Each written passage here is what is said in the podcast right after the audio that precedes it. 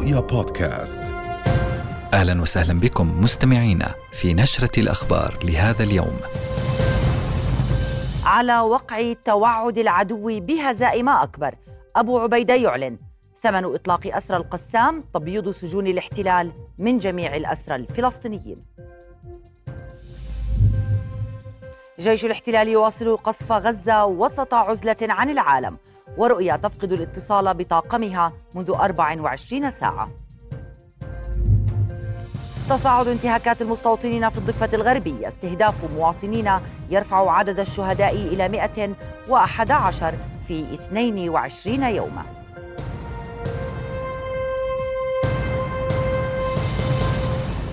أهلا بكم. قال أبو عبيدة الناطق باسم كتائب القسام إن عدوان الاحتلال وارتكابه للمحرقة والمجازر ما هو إلا لألم عظيم يتجرعه متوعدا الاحتلال بهزيمة أكبر مما كان يتوقع أو يتخوف. وقال في كلمة له قبل قليل إن العدد الكبير من الأسرى لديهم ثمنه تبييض السجون الصهيونية من جميع الأسرى الفلسطينيين. وطالب شرفاء الأمة والأحرار اعتبار المعركة فاصلة في تاريخ الأمة وأن يهبوا لقتال الاحتلال. وقال أبو عبيدة إن اتصالات جرت في ملف الأسرى وكانت هناك فرصة للوصول إلى صيغة اتفاق لكن العدو ماطل في ذلك. وأضاف أن زمن انكسار الصهيونية قد بدأ وأن زمن التفوق العسكري والاستخباراتي المزعوم للعدو قد انتهى. ومع إعلان جيش الاحتلال الإسرائيلي توسيع عمليته البرية على حدود غزة. تواصل فصائل المقاومة الفلسطينية استهداف آليات جيش الاحتلال وجنوده الذين يحاولون التوغل في مناطق حدودية في القطاع. في الوقت ذاته تستهدف المقاومة المدن ومستوطنات الغلاف بدفعات صاروخية وكل ذلك وسط استمرار قصف الاحتلال لليوم الثاني والعشرين المنازل والأحياء السكنية بعد ليلة وصفت بأنها الأعنف قصفا منذ بدء العدوان. وقد ارتفع عدد شهداء المجازر الإسرائيلية في غزة إلى 7703 من بينهم 3195 طفلا. كما ارتفع عدد المصابين إلى نحو 19773 بالإضافة إلى 1650 مفقودة. وشن الطيران الحربي الإسرائيلي غارات عنيفة على عدة مبان شرق حي الشجاعية ومخيم الشاطئ شمال غزة.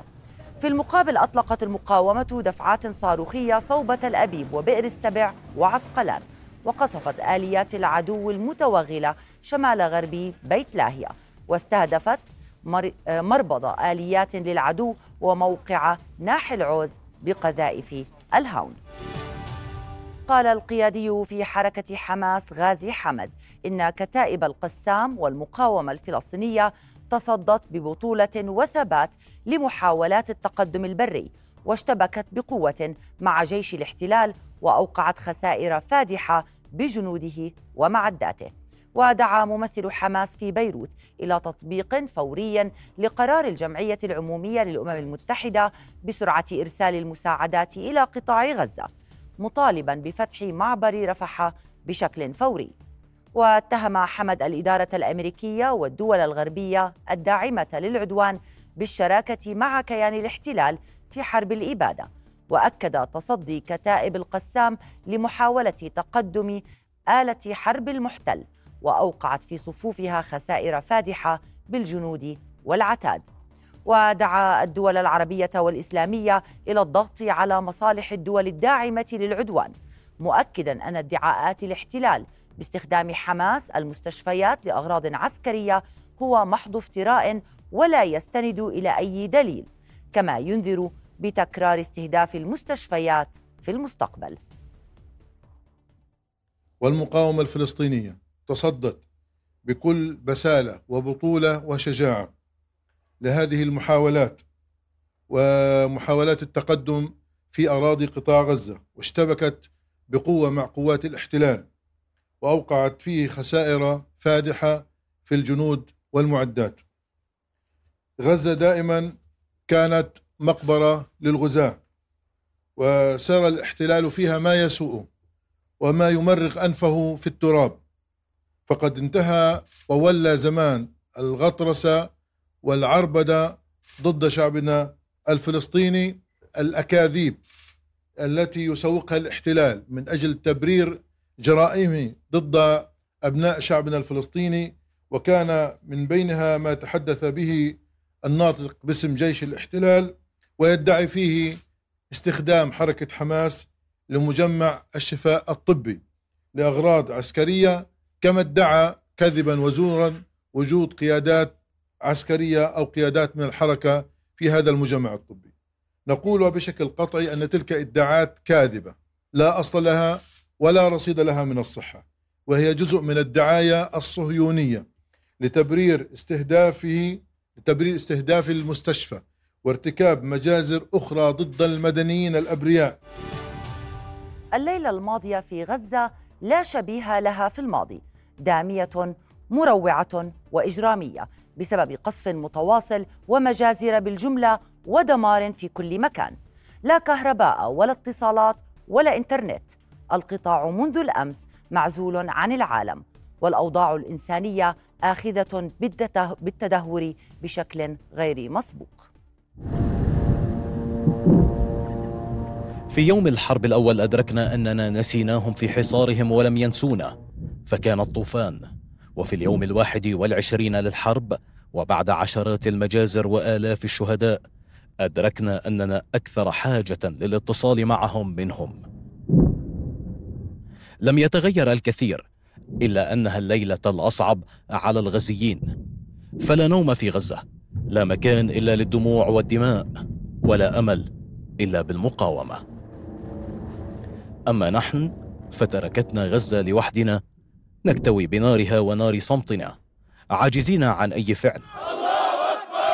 نزلنا بالآلاف إلى الشوارع هتفنا وصلينا لسلامتهم وعدنا نرجو الله إلى أن يعود الاتصال حتى نتأكد أنهم ما زالوا على قيد الحياة. الهاتف الذي تحاول الاتصال به مغلق حاليا. انقطاع الاتصالات ينذر بكارثة لا يراها العالم ولا يبدو أن ذلك سيحدث فرقا كبيرا مع الإنسان الذي ظل يتابع المجازر والتضليل عبر الإعلام الغربي دون إعطاء أي اعتبار للفلسطيني. لكن انعدام التواصل اليوم يعني مئات الآلاف من العائلات المهددة بالإبادة. لن تصل لها طواقم الإسعاف أو الدفاع المدني أو حتى كاميرات المصورين الصحفيين. إعادة المحاولة فيما بعد وشكرا.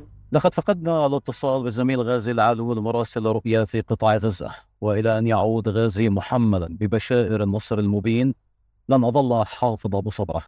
فقد صرت منذ الآن غازي العلول مراسل رؤيا غزة فلسطين. إذا منذ 24 ساعة تفقد غرفة أخبار رؤية التواصل مع طاقمها في قطاع غزة ومراسلها غازي العلول بعد قطع شبكات الاتصال والإنترنت في القطاع. لتفاصيل أكثر ينضم إلينا من نابلس ولنقل من غزة مراسلنا حافظ أبو صبرة لا بل غازي العلول. إلى أن يعود غازي العلول بصوته حافظ أهلا بك. أه هل من معلومات جديدة عن طاقم أخبار رؤيا في القطاع المنكوب؟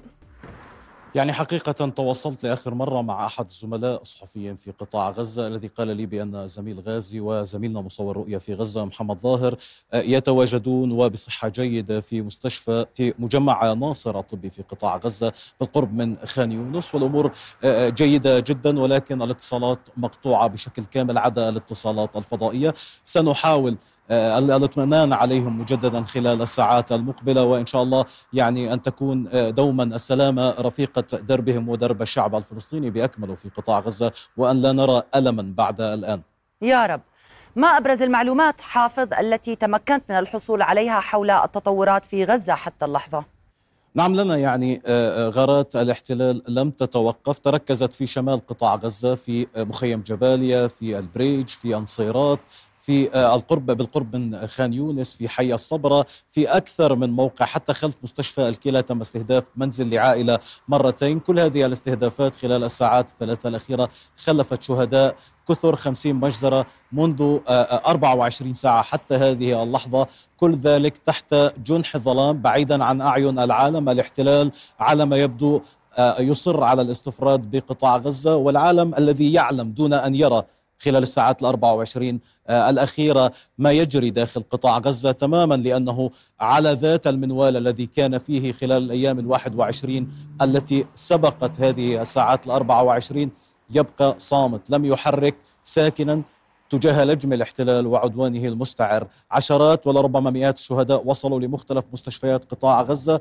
وكل هذا على وقع غارات مستمرة حزام ناري قذائف مدفعية من الشريط الحدودي والزوارق الحربية أيضا شاركت عبر شريط الساحلي باستهداف المواقع المدنيين ومنازلهم في قطاع غزة. نعم. آه، بالنسبة لكلمة الناطق باسم كتائب القسام أبو عبيدة قبل قليل آه، ما هي الأصداء؟ لا سيما بالنسبة آه، لنقل الداخل الفلسطيني المحتل مع أزمة الثقة بين تل أبيب وبين رئيس حكومة الاحتلال بنيامين نتنياهو هذا من جهة وماذا عن ردة فعل الفلسطينيين في الضفة الغربية؟ يعني اولا آه، آه، الكلمة جاءت تحمل رسائل للمجتمع الفلسطيني في غزة للفلسطينيين أينما كانوا للعالم العربي وللعالم وللمجتمع الإنساني وبكل تأكيد حملت الكلمة الرسالة الأقوى والرسالة التحدي ومفاوضات شبه مباشرة على الهواء مباشرة خاضها الناطق العسكري باسم كتائب القسام فيما يتعلق بصفقة الأسرى التي قال الاحتلال بأن حماس من آه، خربت عمليه مرورها ورفضت أن تسهل الأمر. الاحتلال أبو عبيدة خرج وكذب كل هذه الروايات الإسرائيلية وقال بأن إسرائيل هي السبب. هذا جاء على وقع آه، آه، آه، ما قاله الناطق العسكري باسم جيش الاحتلال وأيضا وزير الدفاع الإسرائيلي في مؤتمر مشترك قبل قليل جمع بنيامين نتنياهو ووزير الدفاع يوآف جالنت وأيضا بيني جانتس العضو الجديد في حكومة الطوارئ الإسرائيلية الذي قال بأن العملية البرية مطلب جدي بالنسبة للإسرائيليين وأن إسرائيل ماضية في تنفيذها لا محالة وأن ما حدث هو مجرد توسيع للعملية وليس البدء بالعملية العسكرية بشكل كامل. كل هذا كان على وقع صواريخ المقاومة التي خرجت من قطاع قطاع غزة طيلة وقت النهار لنا وكانت تحمل رسائل آه، سياسية وعسكرية للاحتلال بأن المقاومة رغم كل الاستهدافات والحديث عن أن التوسيع العملية البرية قليلا صوب داخل حدود قطاع غزة آه، آه، وأن الغارات استهدفت 150 من المقرات التابعة للمقاومة الفلسطينية. كانت الصواريخ تخرج لتؤكد أن المقاومة قادرة وهذا ما قاله أحد قادة المكتب السياسي لحركة حماس من بيروت قال بأن المقاومة لم تستخدم سوى 15% من إمكانياتها وقدراتها العسكرية فقط خلال هذه الحرب وخلال الدخول البري المحدود الذي حدث خلال الأيام الثلاثة الأخيرة وتوسع بشكل أكبر منذ الليلة الماضية منذ انقطاع الاتصال مع قطاع غزة. هذا كما قلت الصواريخ وصلت إلى بئر السبع وصلت إلى النقب إلى تل أبيب الكبرى إلى مستوطنات الغلاف نعم حافظ وبالحديث عن في رام الله وفي عن القدس وفي الخليل ووصلت إلى مفاعل ديمونة نعم بالحديث عن هذه الرشقات الصاروخية نعم. التي كما ذكرت وصلت إلى عديد من المناطق ووصلت إلى تل أبيب ومحيطها آه، ما هي أبرز تداعيات هذه الصواريخ؟ اولا أحدثت خرابا في أكثر من موقع سيما في مستوطنات الغلاف بالتحديد في عسقلان وفي منطقة بئر السبع. أصابت عدد من المنازل وأحدثت دمارا في هذا. يؤكد بأنه بالإضافة لرسالة أن المقاومة ما زالت قادرة على الأرض على التحكم في زمام الأمور من داخل قطاع غزة أنها قادرة على أن تؤثر بقدراتها العسكرية من خلال الصواريخ التي تصل في عمق أراضي الكيان المحتل، هذا اولا، ثانيا هناك عدد من الإصابات وفقا لما آه، أعلنته المصادر العبرية جراء هذه الصواريخ التي سقطت في أكثر من موقع وفي محيط كبير من آه، أراضي الكيان من مستوطنات الغلاف وصولا إلى تل أبيب الكبرى. وكما قلت يعني مجرد أن هذه الصفارات دوت في محيط الضفة الغربية في وسط الضفة الغربية دوت بشكل كبير في شمال الضفة الغربية في قلقيلية استمع الفلسطينيون لدو صفارات الإنذار وفي أو في أحيان كثيرة كانت القبة الحديدية تخطئ هذه الصواريخ أو حتى أنها لا ترصد وصولها إلى أراضي مستوطنات نعم. الاحتلال ولا تطلق صفارات الإنذار لتحذير المستوطنين للذهاب إلى الملاجئ. نعم شكرا. كما قلت رسائل خطاب الناطق العسكري عذرا منك الوقت نعم. داهمني. آه، سنتواصل آه، معك في إطار تغطيتنا الواسعة للعدوان الإسرائيلي على قطاع غزة. حافظ أبو صبرة وأنت اليوم صوت غازي العلول مراسلنا في القطاع. شكرا جزيلا لك. وبعد ليلة دامية شهدها أهالي قطاع غزة خرجت من تحت ركام منزلها أم عماد الحلقاوي. إحدى الناجيات وأحفادها من غارات الاحتلال لتروي فظاعة إجرام الكيان. إلى التفاصيل.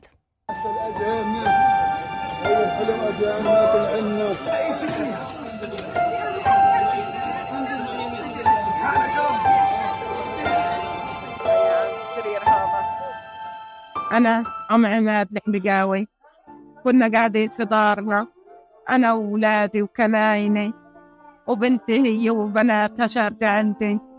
ما شفنا إلا شبن فضلة هيك واستطت فوقينا. وبناتي وأولادها وأولاد أولادي هيهم بالدور يا بنية؟ والحمد لله رب العالمين. لا أنظرونا ولا قالوا لنا أطلعوا ولا كأن نفسية في الدار. بتعاملوا معنا كأن حيوانات وأقل والحيوانات بعالجوهن برا. حسبي الله وتعالى أقل الحياة كانت تحت رجلينا وها كليتنا كنا يا بنية. وقع سطح فوقينا كنا والله من فوق بطلع لنا في كانت تحت بيت الدرج في فضوة. واجوا وأطلعونا بالدور واحد واحد. شردين من شرق. الدبابات بتنصف عند دورها وشردوا وجعنا اجوا يتحاوروا عنا لكن ربنا سبحانه وتعالى نجاهم ان شاء الله ربنا ينجيهم. يا رب الحمد لله. كنت ضايلة. واولادها وكان جوزي كمان تحت الدار ورا مدرسة رابعة العدوية. فضل تحت الركام مش عارف أطلعوهم أطلعوهم والحمد لله رب العالمين. مع احتدام الحرب على غزة استقبلت المنشآت الطبية عددا هائلا من الشهداء والمصابين بشكل فاق قدرتها. فعاش الأطباء والمسعفون تحديات ومخاطر نفسية وجسدية استثنائية. وصدم كثيرون وهم يستقبلون جثامين لأفراد من عائلاتهم ومعارفهم أو مصابين. بينما يمطر الاحتلال الإسرائيلي قطاع غزة الذي مزقته الحرب بآلاف الصواريخ الانتقامية وتعهده بترك مليونين ومئتي ألف شخص جائعين وعطشى دون كهرباء دون حياة ضمن سياسة الإبادة الجماعية المبرمجة والتطهير العرقي. تواجه المنظومة الصحية في القطاع خطر الانهيار الذي بدأ بالفعل بسبب نفاذ المياه والوقود ومعاناة الأطقم الطبية التي تتجلى في غياب المستلزمات الصحية والعلاجية وعدم القدرة على استيعاب العدد الهائل من الجرحى والمصابين أمام عمل المستشفيات بأقل أقل من 30% من قدرة الكادر البشري. ملحمة بطولية يسطرها أفراد الأطقم الطبية أثناء تقديم الرعاية الصحية في ظل هذه الظروف المأساوية التي تغذيها صعوبات نفسية وإنسانية غير مسبوقة. صدمات يعيشونها وهم يستقبلون جثامين لأفراد من عائلاتهم أو مصابين من معارفهم. ففي قسم الطوارئ في مستشفى ناصر جنوبي القطاع الذي يتعرض لعدوان جنوني يقصف كل شيء أمامه. كان الطبيب محمود الأسطل يسعف جرح إحدى الضربات عندما أبلغ بأن شقيقته وكل عائلتها قضت فيها ليؤكد أنه ومنذ استشهاد أخته لا تفارقه الكوابيس. بعد نص ساعة من التعامل مع الإصابات الكاملة بتفاجئ إنه زميلي بيقول البيت اللي مقصوف بيت أختك بيت أختي كيف؟ طب وين أختي؟ ولا صمت بأختي؟ بقول لي أختك واولادها وزوجها شهداء. فأنت اللي شفته إصابات آه، العائلات العائلة المجاورة للبيت. أما البيت ما ظلوا ولا واحد فيه كلهم شهداء. فأنا اصابت الصدمة بشكل كبير ومش عارف إيش أعمل. آه الاسعاف بيقول لي تحت الانفاض ضايلين وفي اسعاف بيقول لي أخذنا شهداء منهم ورحت على المشرعة. فمباشرة رحت على المشرعة. من فتره اللهم يعني أشلاء مش قادر أتعرف عليهم. إحنا شغلنا في المستشفى بتخاف إحنا نيجي ابنك. زوجتك أبوك وأمك. كانت فجاه بأختي. كل مرة جات فجاه مثلا بابني أو باختي أو متى أو بأبوي أو بأمي. فالأمر والله صعب. أما طبيبة الطوارئ في المستشفى ذاته ولاء أبو مصطفى اكتشفت بفزع أن خالتها وزوجها وابنهما من بين العشرات من ضحايا غارات الاحتلال فيما تؤكد مواصلة عملها رغم الصدمات. تفاجأت اليوم وأنا جاي على شغلي باستشهاد خالتي وابنها وزوجها. بناتها ثلاثة مصابين ابنها مصاب برضه. لما شفتهم انهرت وتعبت بس لازم لا حضل مستمرة بشغلي وحكون إن شاء الله هذا بكون أقوى إن شاء الله من هيك. معاناة فوق معاناة يصطدم بها أفراد الفرق الطبية في القطاع المنكوب. كل منهم يجد نفسه أمام خيار الاستمرار في العمل. إذ تعمل وأنت تتمنى أن ترى عائلتك التي لم تلتقي بها منذ أسابيع بسبب القصف المتواصل. تخشى أن يكون الشهداء والمصابون من عائلتك. تجد نفسك مضطرا بأن تجري عملية جراحية دون مواد تخدير أو تجري إسعافات أولية للمصابين وهم على الأرض أو في الطرقات مشاهد لا يمكن أن تراها في أي مكان في العالم سوى في مستشفيات غزة فقط. ما يحدث في قطاع غزة يشكل إبادة جماعية والأوضاع الإنسانية أصعب من الوصف. هذا ما تؤكده وزارة الصحة الفلسطينية مناشدة العالم بالتدخل فورا والضغط بكافة السبل لوقف الحرب على القطاع. وأكدت وزيرة الصحة الفلسطينية مي الكيلي في بيان أن قوات الاحتلال ارتكبت مجازر عدة في القطاع الليلة الماضية تحت انقطاع كامل للاتصالات والكهرباء. ما أعاق وصول طواقم الإسعاف والإنقاذ إلى أماكن القصف وعرقل تواصل الطواقم الطبية والمستشفيات ومراكز الإسعاف فيما بينها. وعن الجرحى والعالقين تحت الأنقاض ذكرت الكيلي أن الاحتلال يقتل يوميا كل أمل بنجاتهم. كما لفتت إلى أن المواطنين في مراكز الإيواء والمدارس يعانون من انتشار عدوى الأمراض بشكل سريع ويفتقرون إلى المياه النظيفة ويكتظون بشكل كبير وسط ظروف صحية سيئة للغاية. اعتبرت منظمة هيومن رايتس ووتش والعفو الدولية أن انقطاع الاتصالات والإنترنت في قطاع غزة قد يشكل غطاء لفظائع جماعية ويخفي أدلة ضرورية على انتهاكات حقوق الإنسان وجرائم الحرب المرتكبة ضد الفلسطينيين. وفي بيان أكدت هيومن رايتس ووتش المعنية بالدفاع عن حقوق الإنسان أن انقطاع الاتصالات بشكل شبه كامل في غزة يقطع أكثر من مليوني شخص عن العالم ويمنعهم من خدمات أساسية كالإسعاف. بدورها منظمة العفو الدولية قالت إن المدنيين في غزة يتعرضون إلى خطر غير مسبوق مشيرة إلى فقدانها الاتصال بموظفيها. وأعربت عن أسفها لعدم تمكنها من توثيق الانتهاكات وجرائم الحرب في القطاع. وطالبت الاحتلال الإسرائيلي بوقف هجماته العشوائية التي تطال آلاف المدنيين كما طالبت بإعادة الإنترنت والاتصالات بشكل عاجل كي تتمكن فرق الإنقاذ من إسعاف ونقل المصابين. أكد البرلمان العربي أن صمت المجتمع الدولي على مجازر الاحتلال الإسرائيلي في قطاع غزة شجعه على التمادي في وحشيته وجرائمه الشنيعة بحق الفلسطينيين وطالب البرلمان بمواقف حقيقية وضغوط تفضي إلى تنفيذ مقررات مشروع قرار المجموعة العربية في الجمعية العمومية للأمم المتحدة الذي يدعو إلى وقف إطلاق النار وحماية المدنيين وفتح ممرات إنسانية كي لا يبقى مجرد حبر على ورق.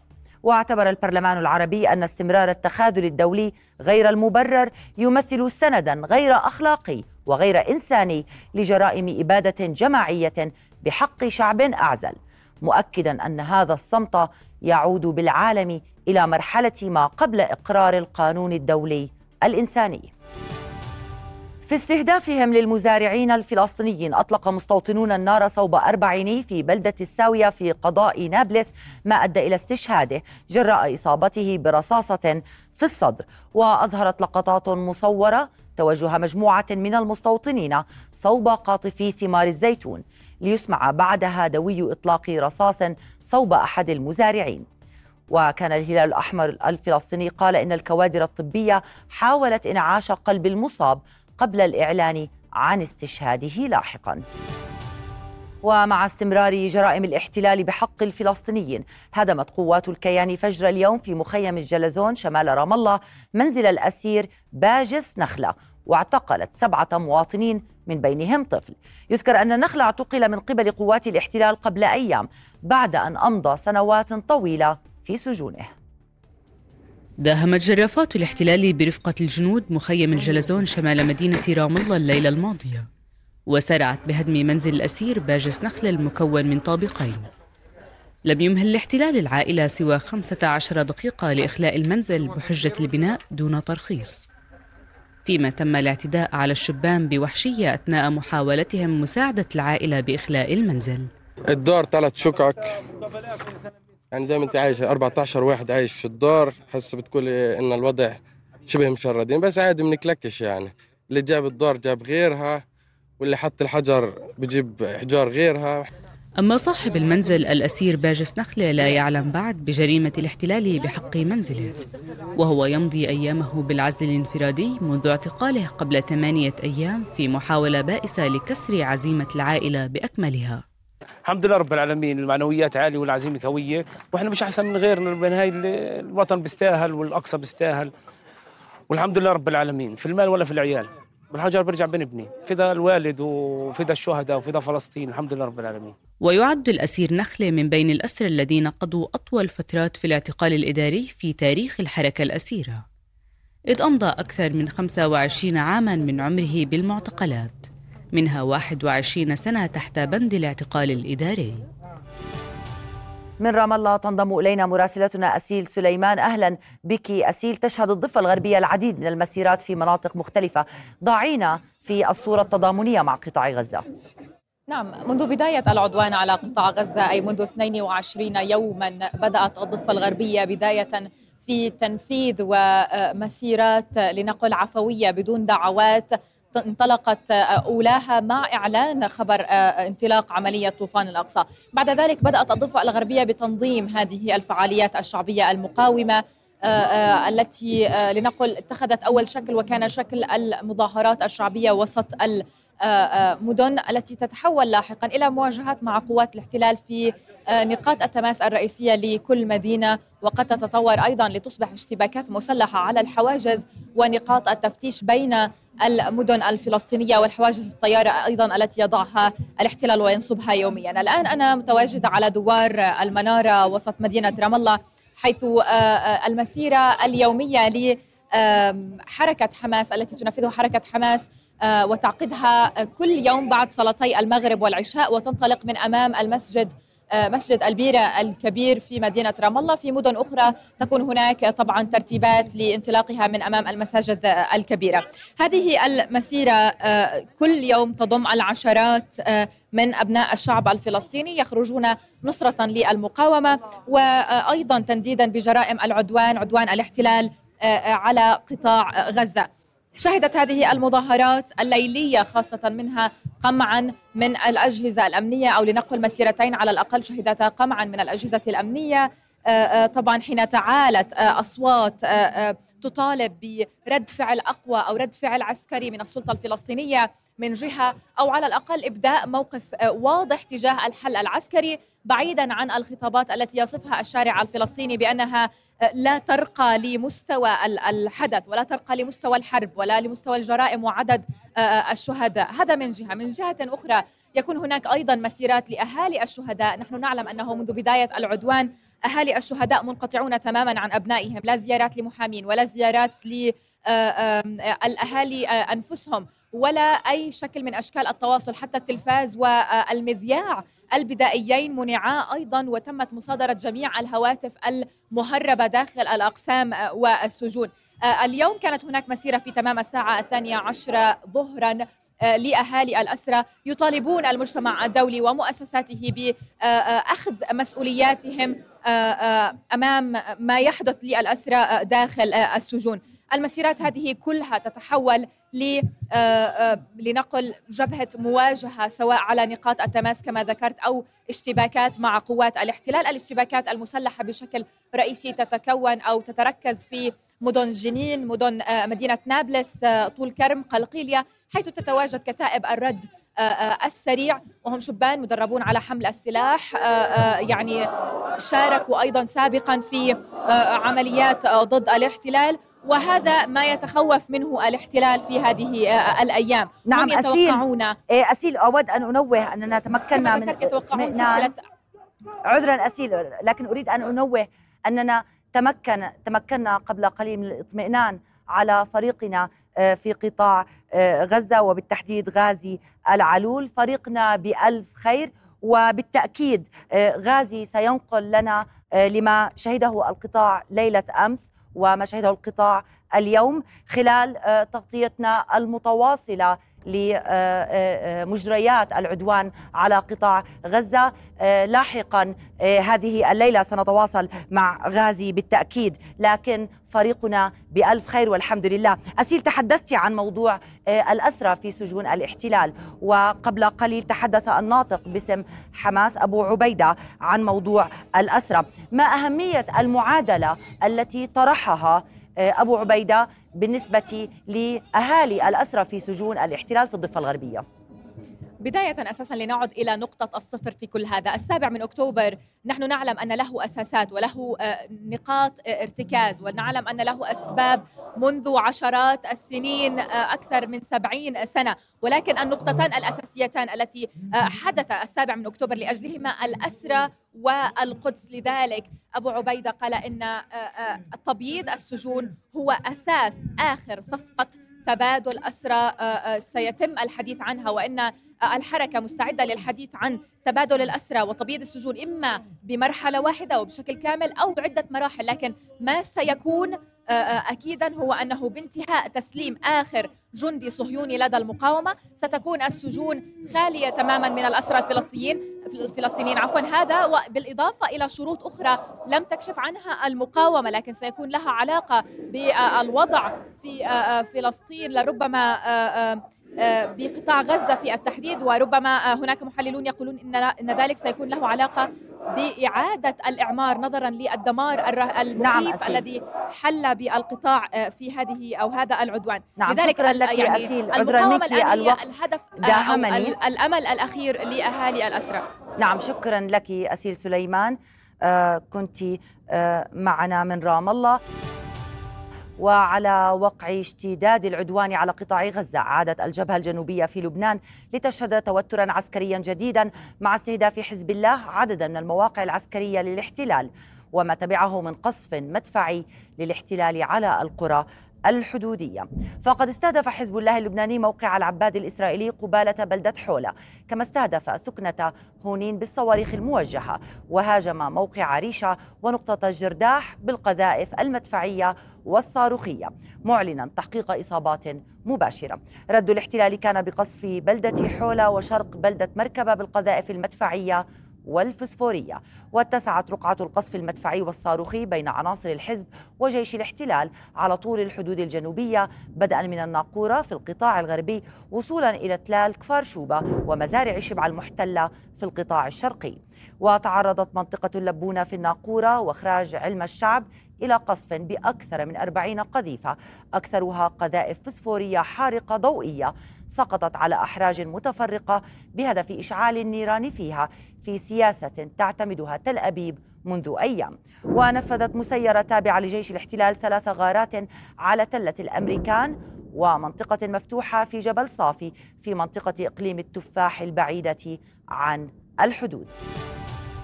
ونعود إلى غليان جبهة الجنوب اللبناني حيث تنضم إلينا من بيروت مراسلتنا جوانا ناصر الدين. أهلا بك جوانا كيف هي صورة الوضع الميداني الآن؟ وكيف يمكن قراءة هذا التوتر على الحدود بعد يومين من هدوء نسبي؟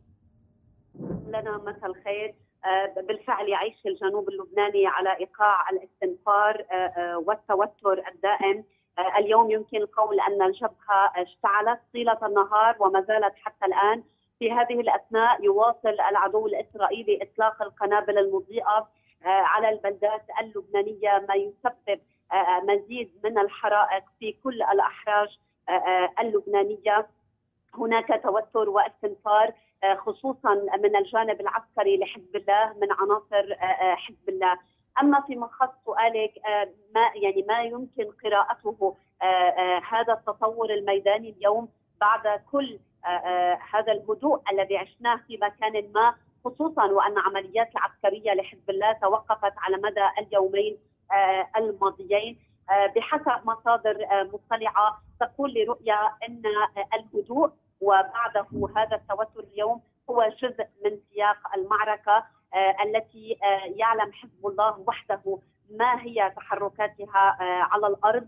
هو يعلم ما تقتضيه المعركة وما يتصل بالرسائل الذي يتقصد إرسالها حول مدى جهوزيته وقدراته، الأهم بالنسبة للحزب هو إظهار التكامل في الجبهات من دون الوصول إلى درجة فتح الجبهات بشكل موسع حتى الساعة. نتحدث، ولكن كل هذا الهدوء كم يعني أيضا له دلالات أخرى لأنه كما تعلمين في اليومين الماضيين كان هناك عشرات القذائف الحارقة والقذائف الفسفورية ولم تأتي من عدم ولم تأتي من فراغ والاحتلال تقصد أن يحرق كل هذه المساحات الشاسعة لأنه نعلم أن عناصر المقاومة وعناصر حزب الله يطلقون الصواريخ الموجهة ويتحركون ضمن مناطق ذات أشجار عالية ومناطق حرجية وبالتالي ما فعله الاحتلال هو لكشف المنطقة. آه، آه، ويعني خفت حركة عناصر حزب الله.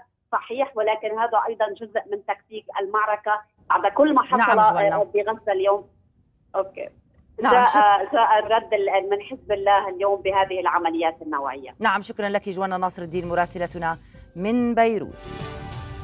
طالب الرئيس التركي رجب طيب إردوغان الاحتلال الإسرائيلي بالخروج فورا من حالة الجنون ووقف هجماته على قطاع غزة. وخلال تظاهرة حاشدة في إسطنبول اتهم الرئيس التركي الاحتلال الإسرائيلي بارتكاب مجازر وأكد أن حماس حركة مقاومة وليست إرهابية وأن صمودها والفلسطينيين انتصار يسجل في التاريخ.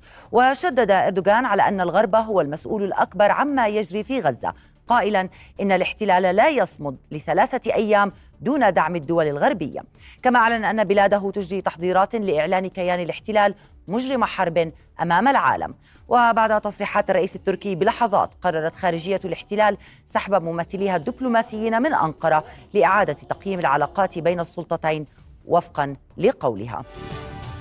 بعد سقوط مسيرتين على مدينتين مصريتين دعا الرئيس المصري عبد الفتاح السيسي إلى احترام سيادة بلاده وموقفها مشددا على أن مصر دولة قوية ذات سيادة وأن جيشها مستعد وقادر على حمايتها. وحذر السيسي خلال افتتاحه المعرض الدولي السنوي للصناعة من اتساع دائرة الصراع مؤكدا أن حادثي طابا ونويبع دليل على أن التصعيد في غزة قنبلة موقوتة قد يصل أثرها إلى المنطقة أجمع. وشدد على أن مصر ستواصل لعب دور إيجابي في الحرب بين حماس والاحتلال الإسرائيلي كما كشف عن دور فاعل للقاهرة في ملف إطلاق سراح الأسرى.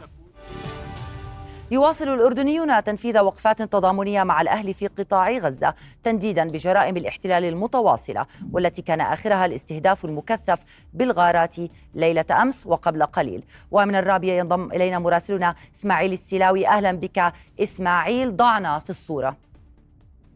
لنا 22 يوم وهذه الساحة من خلف ساحة الكالوتي في الرابية أقرب ساحة يمكن أن يجتمع فيها المتظاهرون عن سفارة الكيان. لم لم تخلو هذه الساحة خاصة مع ساعات المساء. أصبحت ساحة الكالوتي دون دعوات دون ترتيبات وبشكل آه، يعني بشكل تلقائي يجتمع المتظاهرون بعد الساعة السابعة. أعداد جيدة. يوم أمس كانت تتسم هذه المظاهرة بالغضب وخاصة بعد انقطاع الإنترنت عن غزة وبعد الهجمات ال ال ال ال التي تعرض لها القطاع وإمعان الاحتلال في الإبادة. يوم أمس كانت هذه التظاهرة أو هذه الوقفة تتسم بالغضب إلى حد ما وكان المتظاهرون يحاولون الخروج داخل هذه الساحة. لكن اليوم تتسم هذا التجمع ب اولا الهتافات الموحدة، الشعارات الموحدة، العلمين الأردني والفلسطيني بالإضافة إلى الانضباط والسلمية وأصوات مرتفعة جدا، اليوم بعد كلمة أبو عبيدة الناطق الرسمي باسم كتاب القسام نلمس ارتياح لدى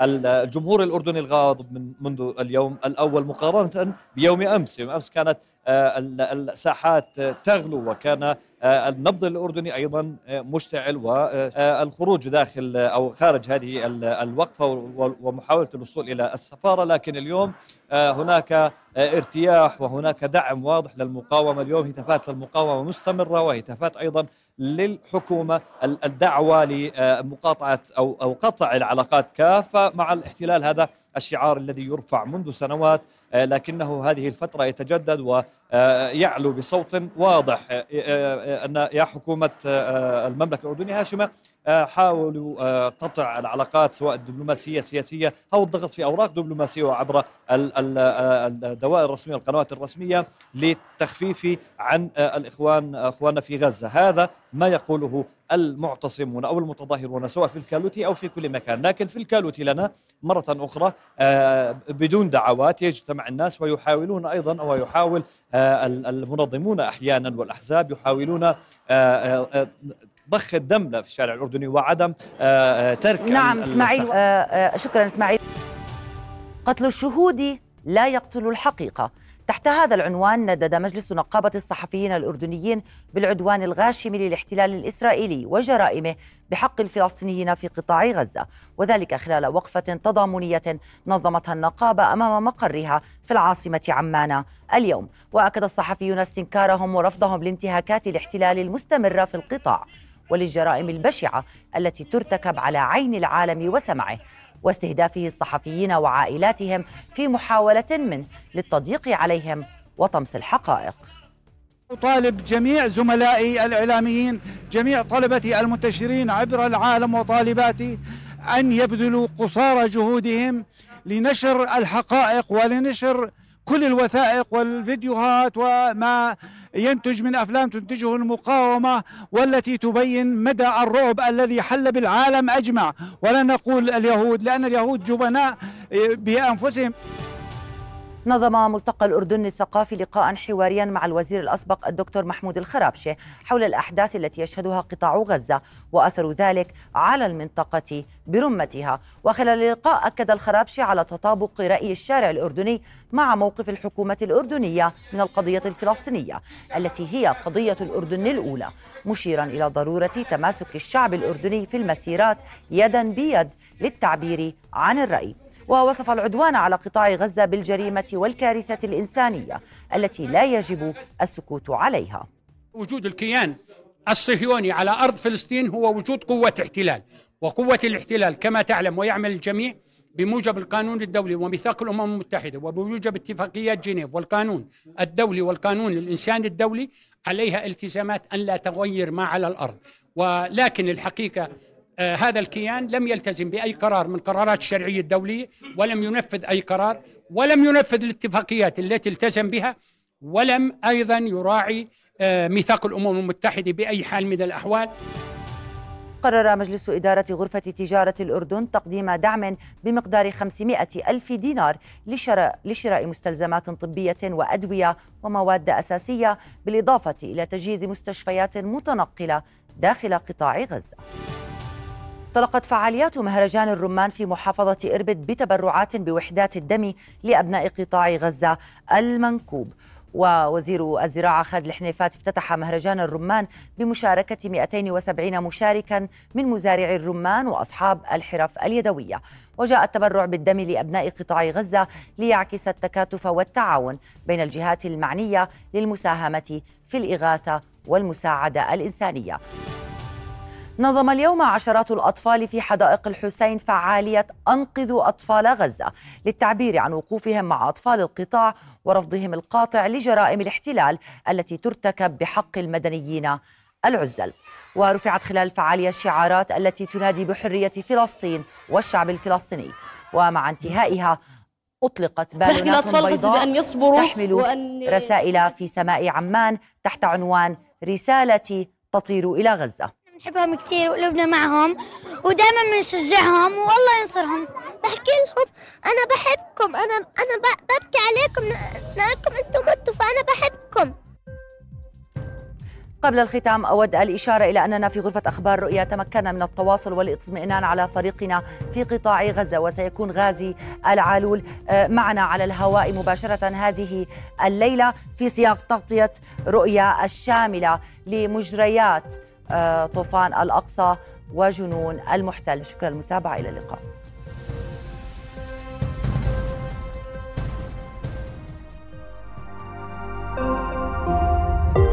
رؤيا بودكاست.